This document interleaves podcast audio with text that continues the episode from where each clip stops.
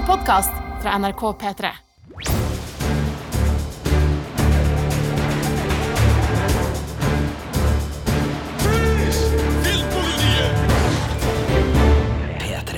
Velkommen til en ny podkastepisode her i Filmpolitiet. I studio i dag Sigurd Vik. Og Marte Hedenstad. Og i dag så blir det eventyrstemning de luxe, sant, Sigurd? Ja, det blir vel uh, superhelteventyr, uh, Askepott-eventyr og litt uh, skrekk på tampen. Altså, Kinohøsten er skikkelig i gang nå, og i denne podkasten skal det handle om tre av de premiereaktuelle filmene, nemlig Shang-Chi and The Legend of the Ten Rings. Amazon Prime Videos Cinderella. Og uh, skrekkfilmen Candyman, som da er en oppfølger til 1992-filmen med samme navn. En slasher uh, der, altså. Men vi må vel starte med den uh, største, sånn med tanke på Ja. budsjett og popkulturell popkulturell innflytelse, fordi Marvel Cinematic Universe, der Avengers-heltene hører til, er i gang med fase fire.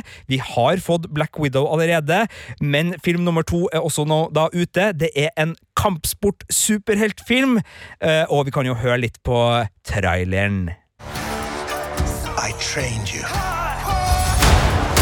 So the most dangerous people in the world couldn't kill you. Son, it's time for you to take your place by my side.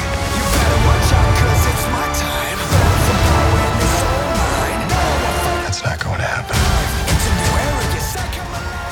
Oh my god. Jeg har ikke sett filmen ennå, men jeg kjenner jeg blir, jeg blir gira av å høre den trailerlyden her. Ja, eh, det er en, eh, en eh, gira film, og det som er litt greit for dere som hører på denne podkasten, er jo at fordi Marte ikke har sett filmen ennå, eh, og fordi dere kanskje ikke har sett filmen ennå, selv om den har hatt kinopremiere og er ute på, på kinoer rundt om i, landet nå, eh, og kommer om 44 dager i skravlende stund til strømmetjenesten Disney Pluss, tror jeg. Jeg må muligens jeg tar feil, men den, Ja, den kommer vel på Disney Pluss. Ja. Eh, eh, men, men altså jeg merka jo det at, altså, og, og derfor så blir det ikke så mye spoilere. Det var det jeg skulle si. Ja. Ja, det blir ikke så mye spoilere her, men, men vi skal snakke om den, og jeg skal prøve å, å forklare hvorfor jeg digger den. Den har fått terningkast fem. Yes. Det er en skikkelig uh, popkornglede for meg, men det er selvfølgelig også en film som er veldig full av veldig mye, og som er en del av eh, franchisen, hvis du kan kalle det det, eh, Marvel Cinematic Universe, noe som betyr at du vil se ting i den filmen her også som ligner veldig på både scener og formgrep og manusgrep og historiefortelling som du kjenner igjen fra eh, de andre 24 filmene sant, som ja. har gått Fordi- i forkant. For det, skal, det er ikke bare at det skal passe inn i liksom, MCU-universet som en del av historien, men det skal passe inn som en del av liksom, hvordan filmen føles ut og ses ut, og, og, og, og på den måten, på en måte. At du kjenner at dette her er en Marvel-film. Ja, samtidig, og det er derfor jeg liker den så godt, da, så er det her noe eget, noe friskt, og en film som står ganske fjellstøtt på egne bein, og som fungerer liksom individuelt. Eh, og eh, kan jo bare liksom eh, si litt om, om min egen liksom, følelse før jeg gikk inn i, i kinosalen her, fordi nå har jo fase fire, som da Marvel er inne i nå, altså etterspillet etter den gigafinalen som var Avengers Endgame i, i 2019, begynt. Men alt vi har fått så langt, har på en måte vært med helter vi kjenner fra før, og litt sånn enten forhistorie eller etterspill fra Avengers-sagaen. Eh, altså, vi har fått tre TV-serier. eh, WandaVision, eh, Falcon and Winter Soldier og Loki, og alle de tre eh, i litt ujevn kvalitet, eh, handler jo om enten traumene eller foranledningen eller etterspillet Ja. til Uh, Avengers-oppgjøret, på, på sett og vis. Spesielt Loki og WandaVision, men også litt eh, eh, Nei, spesielt uh, WandaVision og Falcon and Winter Soldier, Ja, men, ja, men, men mm. også, Også Loki, Loki, sjøl om den ja, er den er- står litt for eh, seg selv igjen, I men- ja. multiversmodus. Eh, og jeg skal også prøve å ikke spoile noe fra de nå, med det samme, nå må jeg passe på, jeg passe på meg sjøl litt her. Eh, og Black Widow var jo også en slags prequel. eh, samtidig som den nå liksom går inn litt, for den introduserer mennesker mennesker altså- vi muligens da skal følge videre i Den, den var jo et, en, en prequel, et farvel og en introduksjon av eh, nye folk. Det er faktisk helt riktig. Den uh, var et kinderegg av uh, uh, Ja. Men det går jo ikke an! Ikke sant, men den var det. Så derfor så, så sjøl om jeg liksom har kosa meg med det her, så har jeg liksom følt litt på den der tomheten. da. Ja. Den der sånn ja, det var en It was an end of an era. Uh, altså, det, det var ferdig, nå er vi ferdig, nå er det liksom bare litt sånn uh, leftovers som skal, skal fylle på. Ja. Og, og behovet for noe helt nytt. Nye helter, nye historier. Liksom en sånn skikkelig sånn følelse av friskt blod. Den, den var der for meg, og derfor så var det så digg da at uh, Shang-Chi-filmen er det.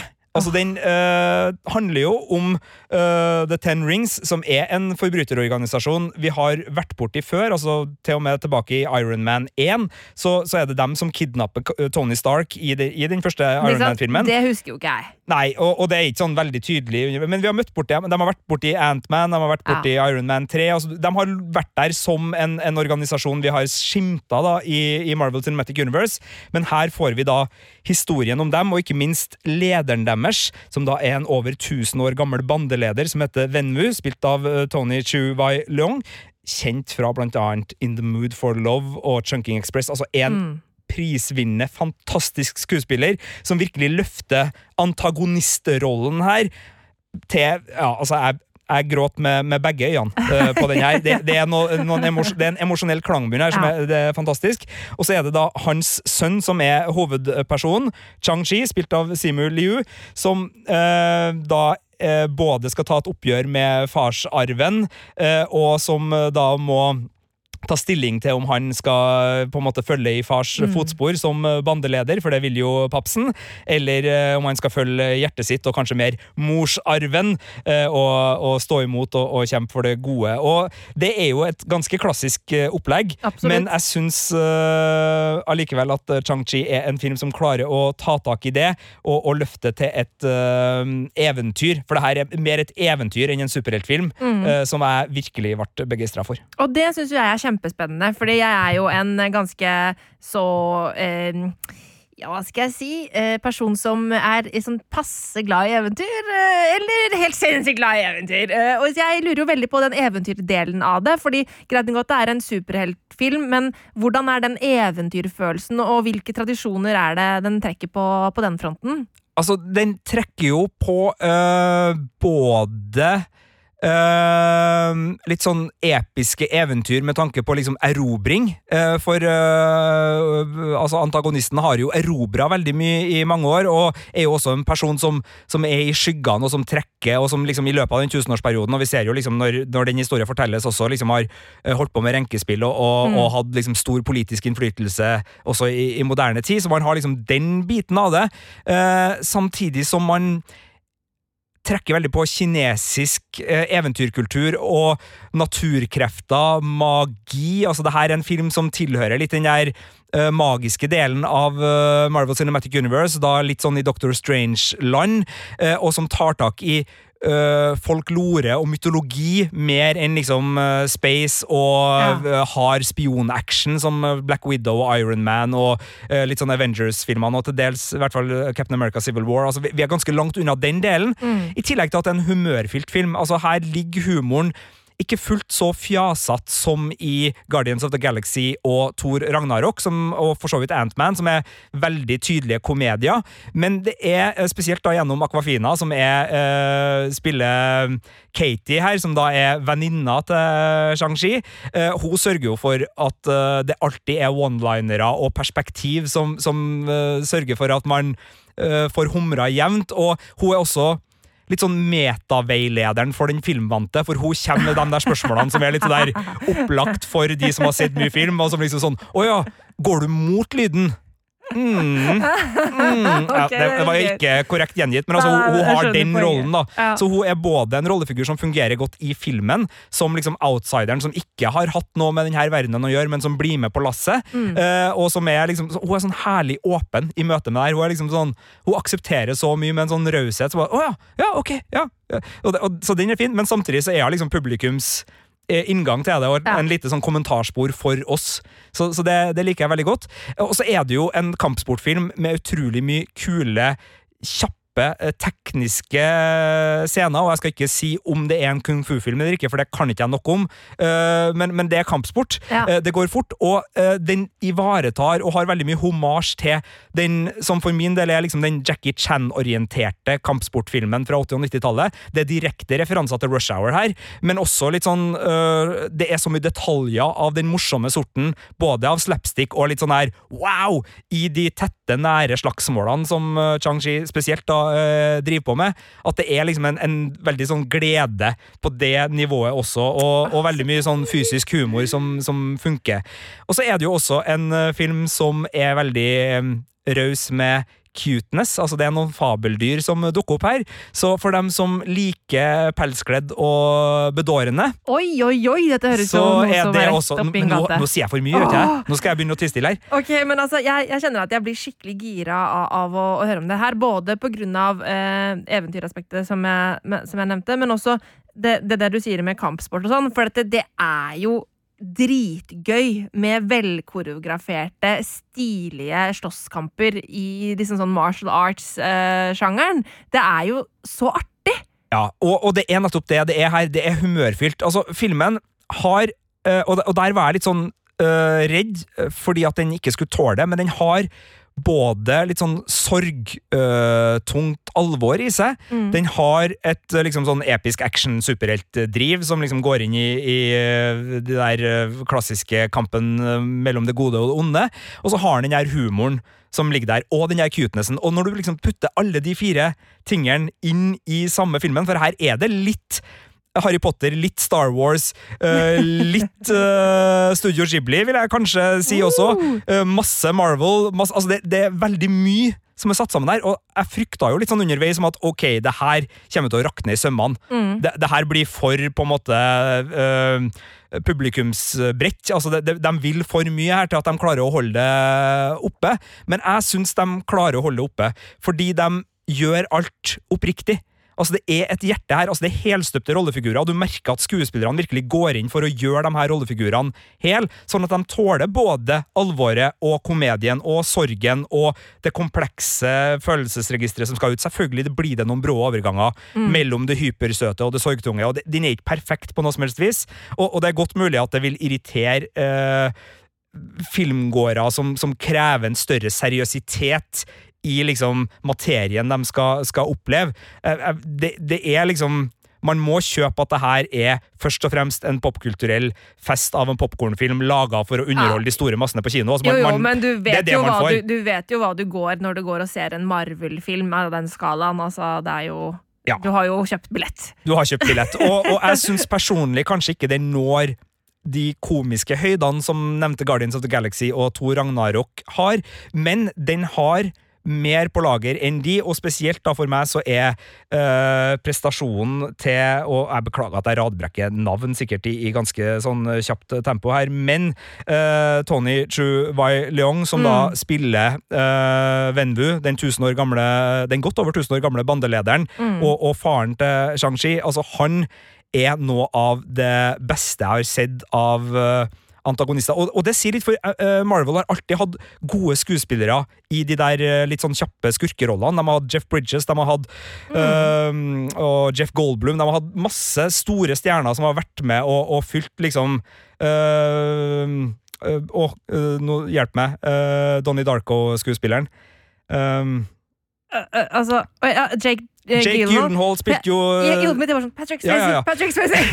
Nei, ikke Patrick Swayze. Men Jake Gyllenhaal har, har vært Ja. inne og, og gjort jobben. Altså, det har Ja. vært masse gode skuespillere. Mm. Men jeg vil si at uh, her gjør Tony Leong uh, Han overgår dem, Ja. for min del. Altså, Oi, det er uh, kult! Ja, jeg syns han For han tilfører en altså, han, det, altså, det er jo en film om mange dimensjoner, men han tilfører filmen en ekstra dimensjon Ja. gjennom sin skuespillerkunst. For det er noe med måten han kommuniserer på med sin sønn på, som liksom er, er kjernen i konflikten her, og hans sorg, hans opplevelse, hans ugjerninger, hans motivasjoner. Det kommer fram på en annen måte. Altså, du trenger, han trenger ikke å forklare det. Altså, det her er ikke en sånn der dialogfilm hvor alt liksom må sies. Det er mye som sies, tro meg. Det er litt powerpoint-framvisninger innimellom her, men, men han får det fram gjennom Mm. skuespillerkunst, og, og det er gripende, altså. Det, det, det er selvfølgelig ikke Igjen, hvis man er vant med å se han i, i kanskje mer seriøse roller, så vil man fnyse av det jeg sier nå. Altså, det er jo ikke på det nivået, sånn, men, men i den verdenen han er, at han klarer det han gjør, Mm. syns jeg var, var helt formidabelt. Så, så jeg Ja. Åh, så gøy. Eh, men jeg må bare spørre, fordi det her er jo en film som du sier den eh, baserer seg til en viss grad på liksom kinesisk folklore og kulturarv og osv. Har jeg lest? Jeg kan ikke noe om kinesisk Nei, nei, eh, men- folklore til, å- nei. til å vite hvilke eventyr den eventuelt plukker fra, og sånn, men Ja, ja, jeg har men- eh, forstått det sånn. Fordi Jeg har heller ikke lest tegneserien. Nei, det har ikke jeg heller. Eh, Og det, sånn er det jo som regel når, det, når vi snakker om Marvel her, at vi har dessverre ikke lest uh, så mange av tegneseriene. Jeg vet at de har bytta uh, farsfiguren til Chang-Chi, som da vel egentlig er Fu Manchu, hvis jeg har uh, tegneseriekunnskapen min riktig. Eh, han er ikke med her, så Venvu er vel en, så vidt jeg har forstått det, en rollefigur skrevet til Ja, okay. Marvel Cinematic Universe. Ja, Så det vel en rollefigur som Nei, nå er det mulig jeg sier feil, altså, men, men hvis jeg forsto det riktig i, eh, i den artikkelen jeg leste, så var det at uh, det her er en figur som er laga til filmen, Ja, okay. uh, og til Marvel Cinematic Universe, og ikke Ja, kommer fra tegneserien. ja. Eh, hvis jeg tar feil på det, og det er godt mulig, eh, send meg en e-post, så skal jeg få retta opp det ved neste anledning. ja. Eh, Men, men det jeg lurer på, da, er ehm, Dette er en Hollywood-film eh, som da på en måte trekker på kinesiske eh, tradisjoner og kulturarv. Um, og da er jo på en måte den der grensa mellom om den hyller det og gjør omasj til det, eller om den på en måte stjeler fra det og i hermetegn misbruker det, er jo et kjempestort eh, spørsmål. Og for eksempel der hvor eh, eh, den forferdelige drittserien eh, på Netflix, Iron Fist, bare radbrekka og ødela alt som fantes uh, av ting på den fronten, så, så spør jo jeg da deg, Sigurd, uh, som en hvit mann som sitter her i Norge, hvordan klarer uh, Shang-Chi det?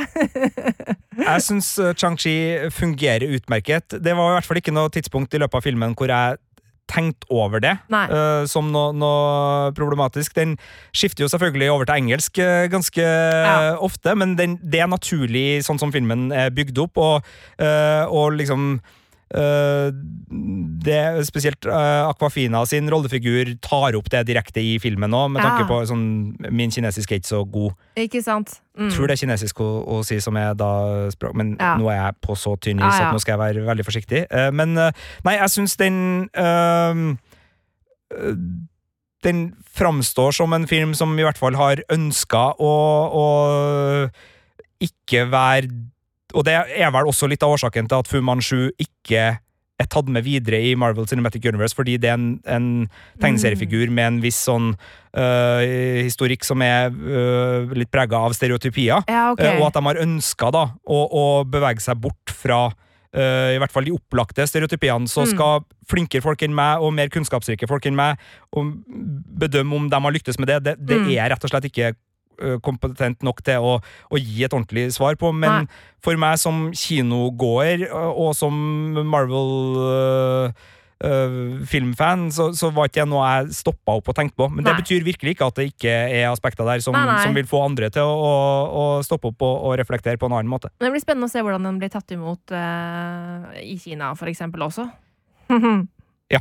Det, det, det kan man jo aldri vite, hvordan, eh, hvordan det ender opp. Nei. Nei. Uh, og så kan man jo selvfølgelig tenke at uh, Men nå, nå, det her er jo bare uh, fri tenking. Det kan Ja. jo hende at Marvel og Disney, som, sånn som de er, har markedsføring og ulike marked i tankene når de lager sine produksjoner. Men nå, nå skal ikke jeg tillegge dem noen økonomiske motiver i, i sin Hæ? kunstneriske gjerning. Mener du at Det- de lager film for å tjene penger? Nei, det gjør jeg ikke. Det gjør jeg ikke. Det vil være å trekke det altfor langt. Marte. Ok, men jeg skal i hvert fall se uh, Shang-Chi and the Legend of the Ten Rings for en lang tittel i kveld. Så jeg gleder meg skikkelig. Uh, bør jeg ha popkorn eller bacon crisp? Mm, altså, uh, hva som uh, Bråker jo en del den bacon crispen, men Ja, jeg, altså, du skal ha det du har lyst på, selvfølgelig skal du det. Du skal ha det du har lyst på, og hvis du vil ha den der Ja, er ikke så så kan du godt uh, ta det, og, og hvis du vil øh, Ja, nei, det der bestemmer du sjøl. Hva, hva har du lyst på, Marte? Nei, det blir fort, eh, det blir fort popkorn, popcorn, altså. Det gjør det. Det er i hvert fall en film som, for å si det med det amerikanske uh, filmanmelderspråket, er stappfull av popkorngleder. Filmpolitiet.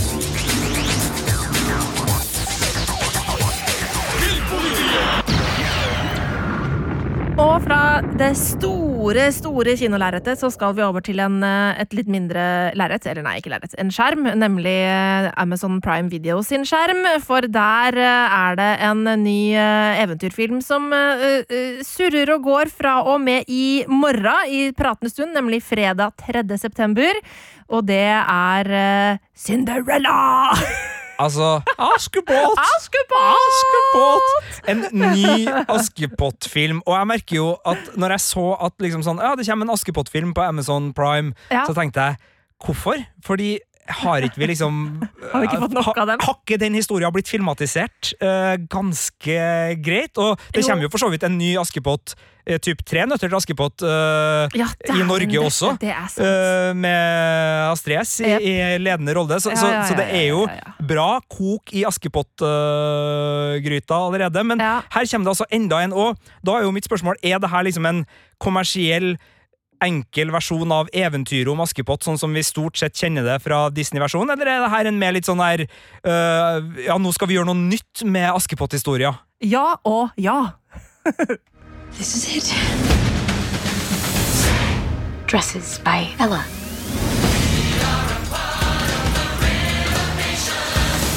Here's a laugh. This girl fancies herself a businessman.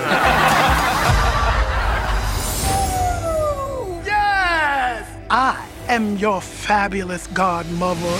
Do you want to go to that ball and meet a bunch of rich people who will change your life? Yes, I was just crying and singing about it like two minutes ago. Then go, you shall! Oh, look at that. This is different. I don't Okay, Dad. You said you wanted to be a businesswoman. It's magic time. Ja da, fordi det her er både den klassiske eh, Askepott-historien som vi har hørt og sett 100 000 millioner ganger før, og så er den også et forsøk på å gjøre historien litt mer moderne. Eh, og så er det da en eh, musikal, en såkalt jukebox-musikal, eh, som betyr at den baserer seg på musikk som allerede finnes der ute, i stor grad. Så her er det mye forskjellige poplåter og musikk som veves inn i en deilig liten miks på lydsporet, som da disse flotte menneskene og skuespillerne fremfører, da. Nå tar jeg spørsmålene i, som, de, som de dukker opp i hodet mitt. Uh, musikken, er det kjente poplåter uh, av litt sånn forskjellige artister med litt sånn forskjellig tematikk som de liksom klarer å, å få til å gi, være relevant i handlinga, eller er det en rød tråd i musikkutvalget? Det er er ikke liksom, en rød tråd i musikkutvalget. Her er det alt fra altså Madonna, uh, Janet Jackson, som vi hørte We are a part of the rhythm nation. Janet Jackson, eh, og altså det er Queen, White Stripes, Jennifer Lopez og And Vince! Med Am I Wrong, som faktisk eh, eh, får en ganske stor plass i filmen i en sånn eh, montasjetype scene, eh, hvor som hele castet synger den. Så det er jo litt artig sett med norske øyne, da. Andre spørsmålet mitt som dukka opp eh, da vi hørte lydklippet, er det her en metafilm som liksom er klar over Askepott-historia i det den forteller Askepott-historia, eller er den For den virka å være satt til dagens uh... Ja, den, den, den er ikke satt til, til, til dagens uh, uh, Den er satt i en slags fiktiv tid. Et even, en eventyrplass. Du får liksom de klassiske kostymene og ballkjolene og liksom dressene og sånn, men de har ofte et litt sånn mer moderne snitt. Altså Plutselig så kommer eh, Ella da, eh, i en liksom sånn ballaktig kjole som går til knærne, for eksempel. Eh, og, og så er det også med en prinsesse her, som er søstera til prinsen, som er litt mer sånn ja, kanskje noen som kan minne meg litt mer sånn Daenerys-aktig type kjoler, med, med litt mer sånn tøffere uh, snitt, liksom. Sånn at det, den leker seg med uh, konseptet som man er vant til, og det er veldig gøy hvis du er interessert i kostymer og følger med på, på denne filmen, fordi det er, det er en sånn artig lek med det vante der som jeg syns er gøy og underholdende å følge med på. Um, men eh, det her er jo da en musikal som jeg nevnte, og det er også da Camilla, Camilla Cabello, uh, popidol, som, uh, som spiller da rollen som Ella, eller Cinderella, da, som hun jo blir kalt av sine søstre, eller stesøstre, for det er jo den der vante historien. Hun, faren er dau, hun bor hjemme hos sin stemor og sine to stesøstre. Hun på en måte bor nede i kjelleren, har det ikke så bra. Eh, Men hun er ikke så fæl som eh, man kanskje har vært vant til fra tidligere, stemoren. Eh, Hun spilles av Dina Menzel i denne versjonen, og hun er ikke så slem, selv om hun er liksom ganske slem, sånn passe slem. Det som liksom er tvisten her, da, det er at det er på en måte ikke drømmen om en prins uh, som eh, eh, er liksom eh, Ellas eh, største drøm her. Det er eh, tanken om å kunne starte sin egen klesforretning, der hun kan selge liksom eh, kjolene hun designer og syr sjøl. Og i dette universet her, da, som er et slags uh, eh, mannsdrevet eh, sted, som jo det ofte er, så er det liksom helt utenkelig at en kvinne kan drive butikk. Sånn at eh, eh, I denne versjonen så møter da prinsen og Ella hverandre før dette ballet hvor prinsen skal finne sin utkårede. Og den eneste grunnen til at Ella gidder å dra på ballet, er at han overbeviser henne om at hvis hun bare kommer dit, så kan hun møte masse rike og liksom mektige folk som hun kan kanskje selge eh, kjolene sine til, sånn at hun kan på en måte få muligheten til å gjøre det hun drømmer om, da. Så det er på en måte Cinderella anno 2021. Hva, eh, altså, du har jo eh, et relativt godt forhold til Ja, ja, Askepott-historien ja. og, og de filmatiseringene. Jeg husker ikke, Hva ga du Disney sin live uh, animation-variant? Nei, men det var vel ikke jeg som anmeldte den, var det det? Nei, var det ikke? Det var vel Birger, tror jeg. Det var Birger, ja. ja. Um, Nei, Men du jeg likte den. Jeg likte den veldig godt. Uh, og, og kosa meg eh, med den uh, Eventyr om Askepott, het vel den. Birger ga den terningkast fem. Eh, og det var en veldig sånn storslagen og, og, og flott eh, versjon. Um, den Jeg var litt misfornøyd med hvor kanskje spak eh, Askepott var i det eventyret. For selv om den hadde en eh, twist som tok den lite grann ut av eh, eh, den gamle gropa med prinsen og skoen og sånn, en hadde en slutt som på en måte gjorde den litt mer moderne, så, så var det fortsatt et vel... Det er et gammelt eventyr, liksom, med noen gamle verdier. Eh, men jeg likte den. Eh, og jeg liker også Cinderella fra Amazon. Jeg syns det er gøy og underholdende, men problemet er at alt som gjøres her, er veldig sånn Det er en plan fra markedsavdelinga. Det er den derre sjekklista. Eh, hvordan skal vi gjøre det eh, for å få på en måte eh, publikum anno 2021 til å like Askepott? Jo, vi må gjøre den litt mer feministisk. Check. Vi må ha en, eh, en, et veldig kjent navn som kan synge til å være liksom hovedrollen i denne musikalen. Check. Eh, vi skal gjøre den litt mer moderne når det kommer til hvordan ting ser ut. Check. Eh, så det føles litt hult ut, og det føles veldig kalkulert ut. Um, men jeg er jo en sucker for sånne her type filmer, eh, og jeg koser meg jo med liksom musikalnumrene og syns det er gøy med kostymene, og eh, Camilla Cabello, hun hun gjør en sjarmerende rolle som eh, Cinderella. Um, det her er jo hennes første Altså, hun har jo spilt i, eller dukket opp som seg sjæl i en hel haug med ting på, på TV og sånn tidligere, men dette her er hennes første rolle som skuespiller, uh, så vidt jeg uh, har forstått det. Um, og um, jeg syns hun er sjarmis, liksom. Hun, hun gjør det bra som uh, Askepott. Problemet er jo at hun har ikke så veldig Det er ikke så veldig mye kjemi å skryte av med prins Robert, da, som spilles av Nicholas uh, Nicholas Galtizine, dessverre. Det er jo sånn at uh, i og med at Askepott-eventyret har blitt fortalt i så mange versjoner opp igjennom, så Mm. finnes det jo en del fun facts uh, om det her. Og da uh, eventyret om Askepott-filmen kom i 2015, var det vel, så Mm. fikk jeg i oppdrag å lage en listesak for Filmpolitiet. Ti fakta du på en måte ikke visste om uh, Eller uh, ti ting du ikke visste om Askepott, som er en veldig sånn Ja. uh, slem tittel, for man antar da at folk ikke vet ting. Uh, så, Ja. så den tittelen uh, angrer jeg på. Uh, det, jeg står ikke helt innenfor den. Jeg beklager den. Men jeg tenkte allikevel å gå gjennom Oi, noen av de oi, oi. punktene, bare for å se om Om jeg vet det? Nei, nei. om, om det er gjeldende Ja, sånn, ja. i denne versjonen av Spennende. Askepott som du nå har sett. Og da starter vi med at stesøstrene straffes hardt i flere av versjonene av Askepott. I den tyske versjonen så er det sånn at uh, i bryllupet så hakker prinsen uh, prinsens dua ut øynene øynene. på søstrene, så de må Mm. leve resten, resten av livet uten å se. Er den med? Nei, nei, nei. Den er ikke med der. Uh, og så er det en annen versjon eh, der kongen blir så sint at han tvang stesøstrene til å danse dem til døde, iført glødende varme jernsko. Eh, er den med? Ikke med. Ikke med. Kjempefint. Eh, så er jo det store spørsmålet er kjolen hvit eller blå. Eh, hva er den her? Eh, Ja, det er jo det store spørsmålet, da. Den, eh, den er Altså, det der eh, jeg mener jo at Askepott sin kjole er hvit, selv om jeg vet at den liksom er blå. Eh, her er den eh, hvit, sølvblå, lilla.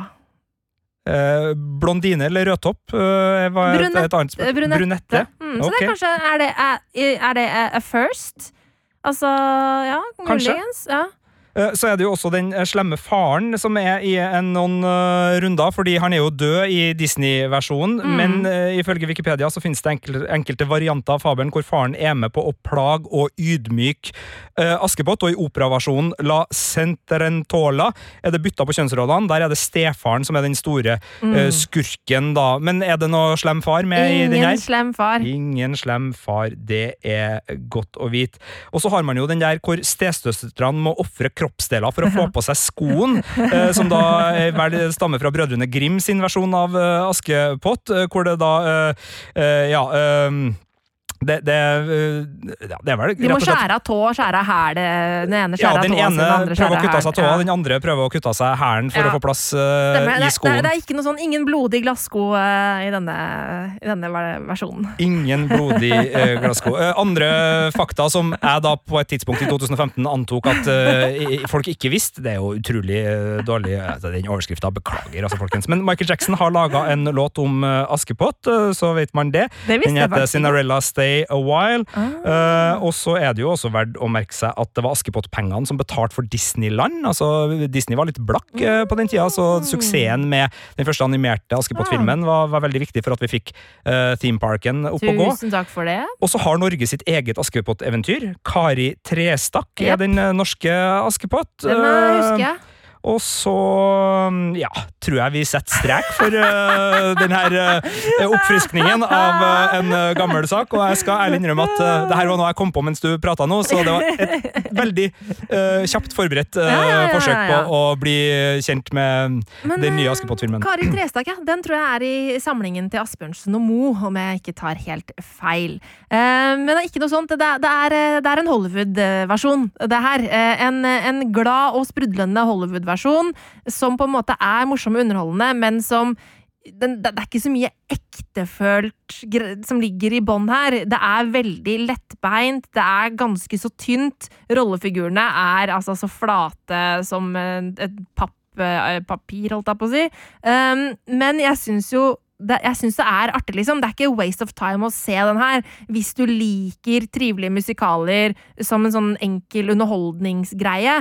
Eh, den, den filmen her er perfekt å se på en litt sånn bakfull søndag. Da passer eh, Cinderella, hvis du er sånn anlagt, da. Eh, Er du sånn anlagt, Sigurd? Jeg tror ikke uh, at jeg kommer til å se denne uh, filmen med det første, men plutselig så, så, står den, så, så går den. Altså, så, sånn er det med meg og de her filmene, men jeg har jo enda ikke sett eventyret om Askepott. Uh, som eh, da har fått fem fra, fra oi, Filmpolitiet. Ja, okay. Så eh, tror ikke jeg. Nei. nei. Det er også en sånn film jeg tror jeg kunne ha sett og glemt at jeg har sett. Ja, eh, det som skjedde da jeg skulle se den første gang på kino sammen med moren min, var at vi, hadde, vi gikk på dagvisning eh, på Colosseum kino. Det her lukter norsk dub. Så var det norsk dub! ja, det var helt krise! Og jeg, sånn, jeg, jeg sitter her, og det som skjer På starten av filmen så er det bare sånn filming av liksom, Jeg tror det er en sånn, blomstereng eller noe sånt shit, og så er det en fortellerstemme som går over. Og jeg reagerer ikke, for den fortellerstemmen er jo norsk. Tenker ikke over det. Og så liksom får vi da liksom se Askepott, og jeg bare ser at det her passer jo ikke overens over i det hele tatt. Og jeg bare sånn Faen i helvete! Mamma, jeg har kjøpt feil! Men det, altså, man, man antar jo ikke det. Og det, og det, var, veldig, det var ikke bra dub. Uh, for det, det, det er en teori jeg har, jeg vet ikke om den er ekte, eh, men, eller jo, teorien er ekte, men jeg vet ikke om den er sann. Um, er at um, det legges ikke like mye penger inn i dub som på en måte eh, såpass få skal se, eh, når det er en eh, altså spillefilm eh, kontra en animasjonsfilm for hele familien. Um, jeg tror jeg, hvert fall sånn av hvem som er med og sånn, så virker det som at de putter Altså disse dubberne putter mer penger inn i animasjonsfilmer for hele familien enn norske versjoner av spillefilmer som kun på en måte småbarnsforeldre skal ta med ungene på. Og Marte Hedenstad tar imot reaksjoner fra det norske Absolutt! dubbemiljøet på filmpolitiet alfakrøll.nrk.no. Eh, Du får stå for den teorien, Ja, Marte Hedenstad. Det står jeg helt fullt uh, inne for. Filmpolitiet.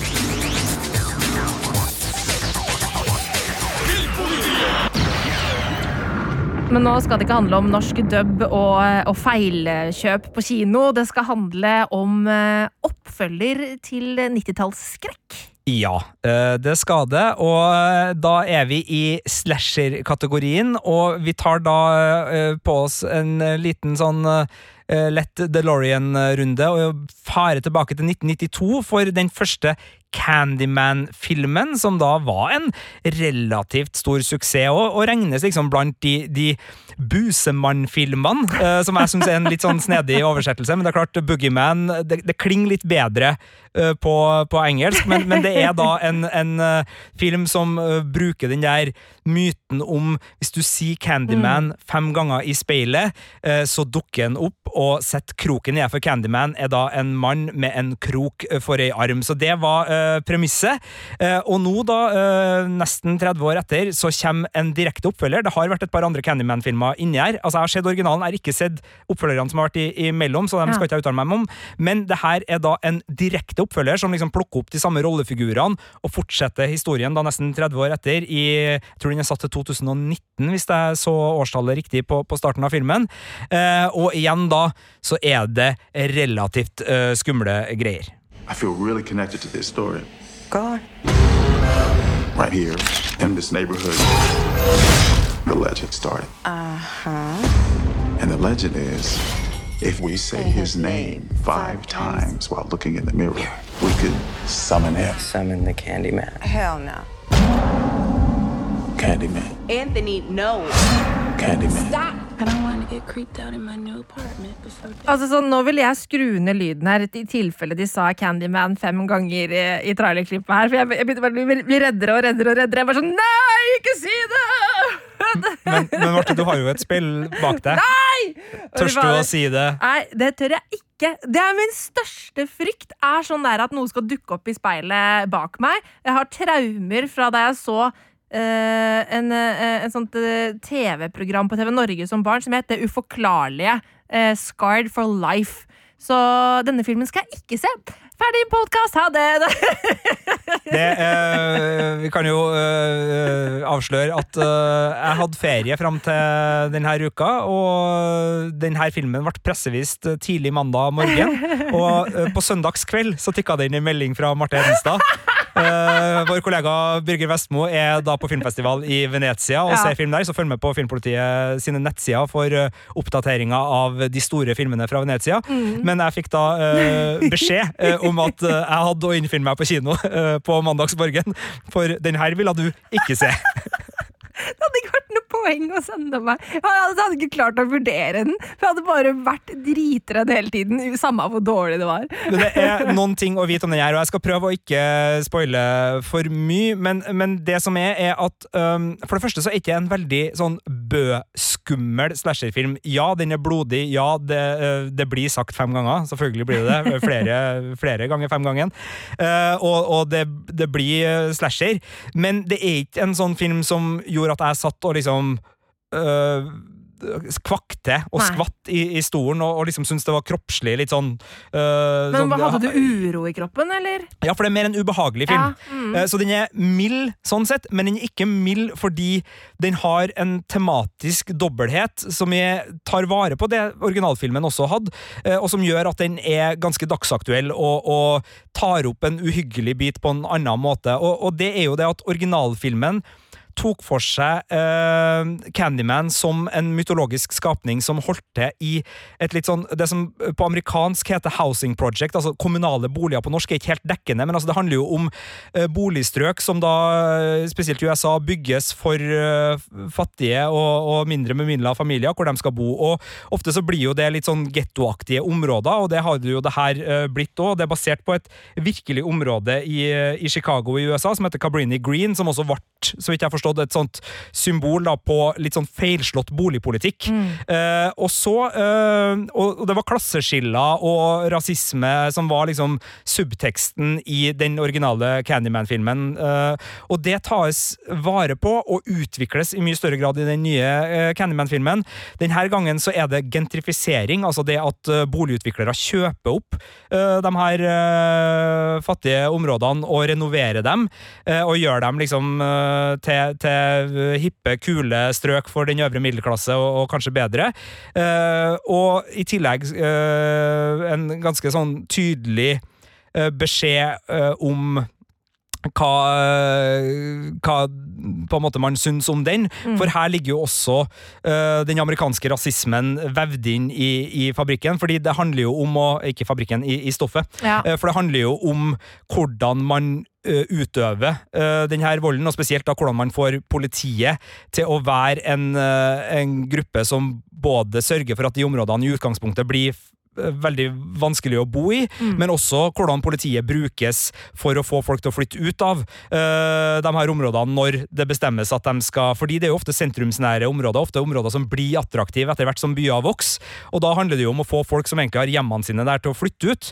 Uh, og det gjøres jo og det, det er også en Netflix-serie som heter Zero, som eh, er fra Italia, som, som handla om det samme, og som så på, på hvordan det der hvilke mekanismer som spiller inn da, når eiendomsutviklere og politikere går sammen for å liksom eh, endre på sånne ting, og, og hvem som egentlig blir ofrene. Så den har det som øh, liksom ofte sies om skrekkfilmer, altså den har en annen skurk enn det som på en måte ser ut på papiret til å være Skurk er ikke riktig her, men altså, så det er ikke Candyman som nødvendigvis er ondskapen som du blir forbanna på i den filmen her, på ingen måte.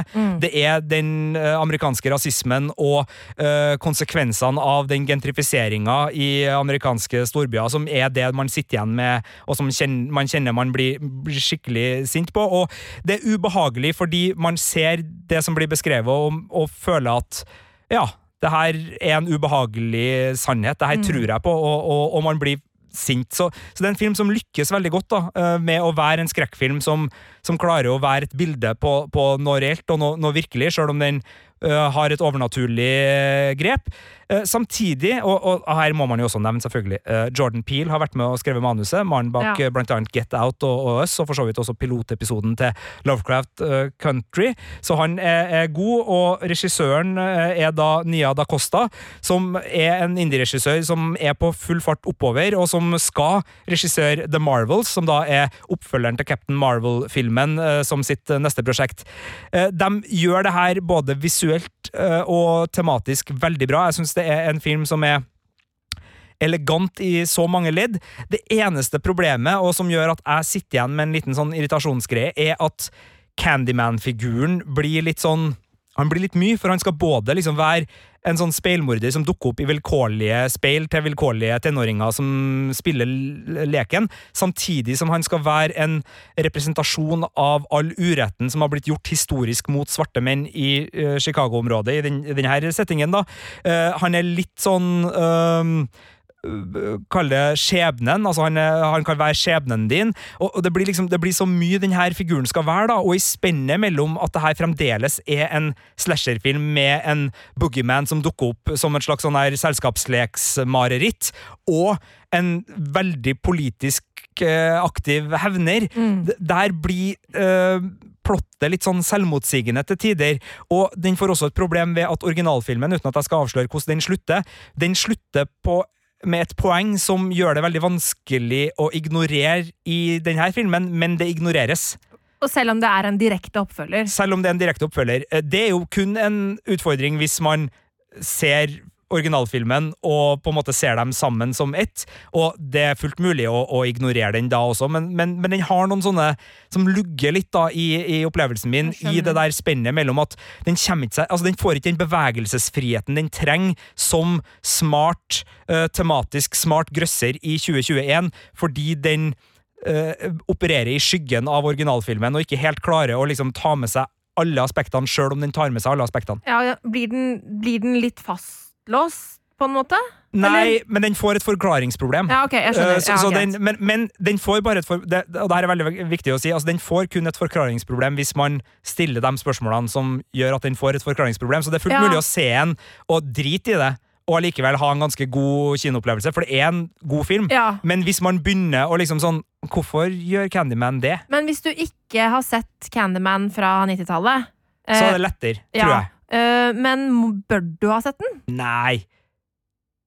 Du får nok info Mm. Uh, i den her til, liksom, til at den står veldig støtt på egne bein, men, men den er jo veldig opptatt av sitt opphav, og det er jo Ja. derfor jeg blir opptatt av det. For hadde det vært en oppfølger som på en måte egentlig ikke Ga var så veldig opptatt av originalfilmen, Ja. Mm. så hadde ikke jeg tenkt så mye på det, men fordi Candyman er veldig opptatt av originalfilmen, og det ser man hvis man har sett begge, Ja. så blir jeg jo også på en måte å pirke litt i det, fordi da øh, vil den Den minner deg stadig på originalfilmen, og da vil, tenker man jo at det skal henge sammen i større grad enn det da tydeligvis eh, kanskje gjør, da. Eller, Ja, det, det henger veldig sammen, men den, den har noen sånne Altså, Jeg skulle ønske at de hadde tatt en runde til med manuset. og bare, Ja. Hvis de hadde bare luka dem bort, så hadde det liksom svingt så mye bedre. da Mm. Nå blir det litt sånn der ah, OK, men Ja, for Men du har jo gitt ja. en terningkast fire her. Uh, En sterk firer. En sterk firer. Det er det. Uh, og som sagt, det er så mye bra her at den anbefales eh, på det varmeste til dem som liker Jordan Peele, som liker skrekkfilmer, som eh, klarer å bruke eh, litt sånn klassiske sjangergrep for å Uh, ja, eh, si noe viktig, si noe ja. om samfunnet, og, og som har en, en det, det er mange scener og aspekter i den filmen her som, som blir igjen lenge etter rulleteksten. Det er en film jeg har tenkt på i tre dager nå. Mm. Den, den har enkeltscener som, som, som bare liksom fester seg, og som gjør at man tenker sånn Fy søren, det er vel en kommentar på det, og altså, nå høres det, det, det er lett å bli litt sånn overpompøs her. Det, det er ikke sånn at man har sittet her og notert og liksom analysert filmen, så, men, men den, den har en del sånne eh, aspekter ved seg som jeg ikke vil si her og nå, for da, Nei, da det ødelegger ødelegger litt filmopplevelsen. Og, og jeg håper det er mange som drar og ser den. Jeg vet Mm. at du ikke kommer til å gjøre det, men Ja, alle nei, som er glad å- i skrekkfilm, og som, som liker skrekkfilmer, som, som prøver å bruke sjangeren til å si noe mer, de vil Ja. Nok like Candyman godt, tror jeg. Og spesielt hvis du har likt Get Out og Us og andre Jordan Peele-filmer. Mm. Fordi, ja, sånn, jeg kunne jo ønske at jeg eh, had- kunne se denne filmen, fordi jeg likte jo Get Out øh, veldig godt. Men jeg har jo ikke turt å se Us. Uh, for det, sånn, jeg, det er et sånt derre en sånn grenseland der hvor det blir for skummelt for meg. Eh, og, jeg, og jeg skjønner jo at Candyman altså, det, Det her er mitt verste mareritt, bokstavelig talt, så den her kan jeg ikke se. Men jeg elsker jo den måten han eh, bruker sjangerfilmer, som du sier, til å si noe mer, og til å lage noe med mer dybde. Det er jo kjempespennende, eh, og veldig kult at det gjøres.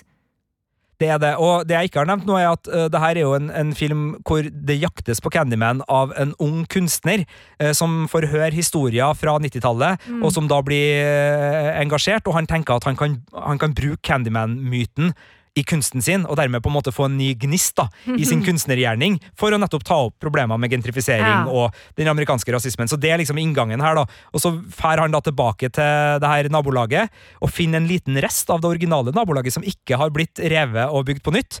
Og der finner han jo også eh, mer enn han uh, håpa på, og også, han får da også eh, innsikt i hva det er som egentlig har skjedd i det området, og da strekker vi langt tilbake i tid. Og litt som at det beste med Harry Potter-filmene, de to siste, var den animasjonssekvensen som forteller om de tre Mm. brødrene Ja. som har da The Deathly Hallows, eh, og nå, dere som vet, dere vet, så jeg trenger ikke å forklare noe mer, men det er en animasjonsbit inni den uh, Harry Potter-filmen som er helt fantastisk. Og likedan så fortelles myten om de ulike altså De ulike Candyman-mytene fortelles også med skyggeanimasjon i denne filmen, og det er så forseggjort og fint. Så den har veldig mye sånt, og den filmen her, det er en veldig sånn kunstferdig film som har mye lekker. Og, og speil er jo viktig her, som, som du skjønner da, Marte. Og, og øh, det- det er noen sånne uh, sorthumoristiske uh, vrier på både speil og vindusflater, som gjør at man som, som kinogjenger sitter her og tenker fy faen, det her er kult. Ja. Det her er skikkelig kult. Eh, så, og, og de er både morsomme og groteske, altså. Og det er noe body horror bodyhorror selvfølgelig her, eh, fordi okay. eh, det skjer jo ting med, med kropper, og, og den kroken er jo eh, det den er. Så, så, så hvis du liker litt sånn estetisk forseggjort gyselighet, eh, så, så har virkelig Candyman eh, flere flere uh, godbiter på lur. Så det er en anbefaling. Jeg, jeg gir den fire fordi jeg hang meg opp Ja. i uh, Candyman-figuren og liksom uoverensstemmelse jeg klarte å finne der. Logiske brister, rett og slett. Nei, ja, eller sånn lugging er Ja, okay. mer, fordi man okay. kan få det til å gå opp, hvis, men man, man må legge så mye godvilje Jo, til. men det er det vi ofte sier. At det sånn, hvis du må på en måte virkelig tenke deg dritnøye om og diskutere og forklare og liksom fundere for å få ting til å gå opp, da er det ikke løst bra nok.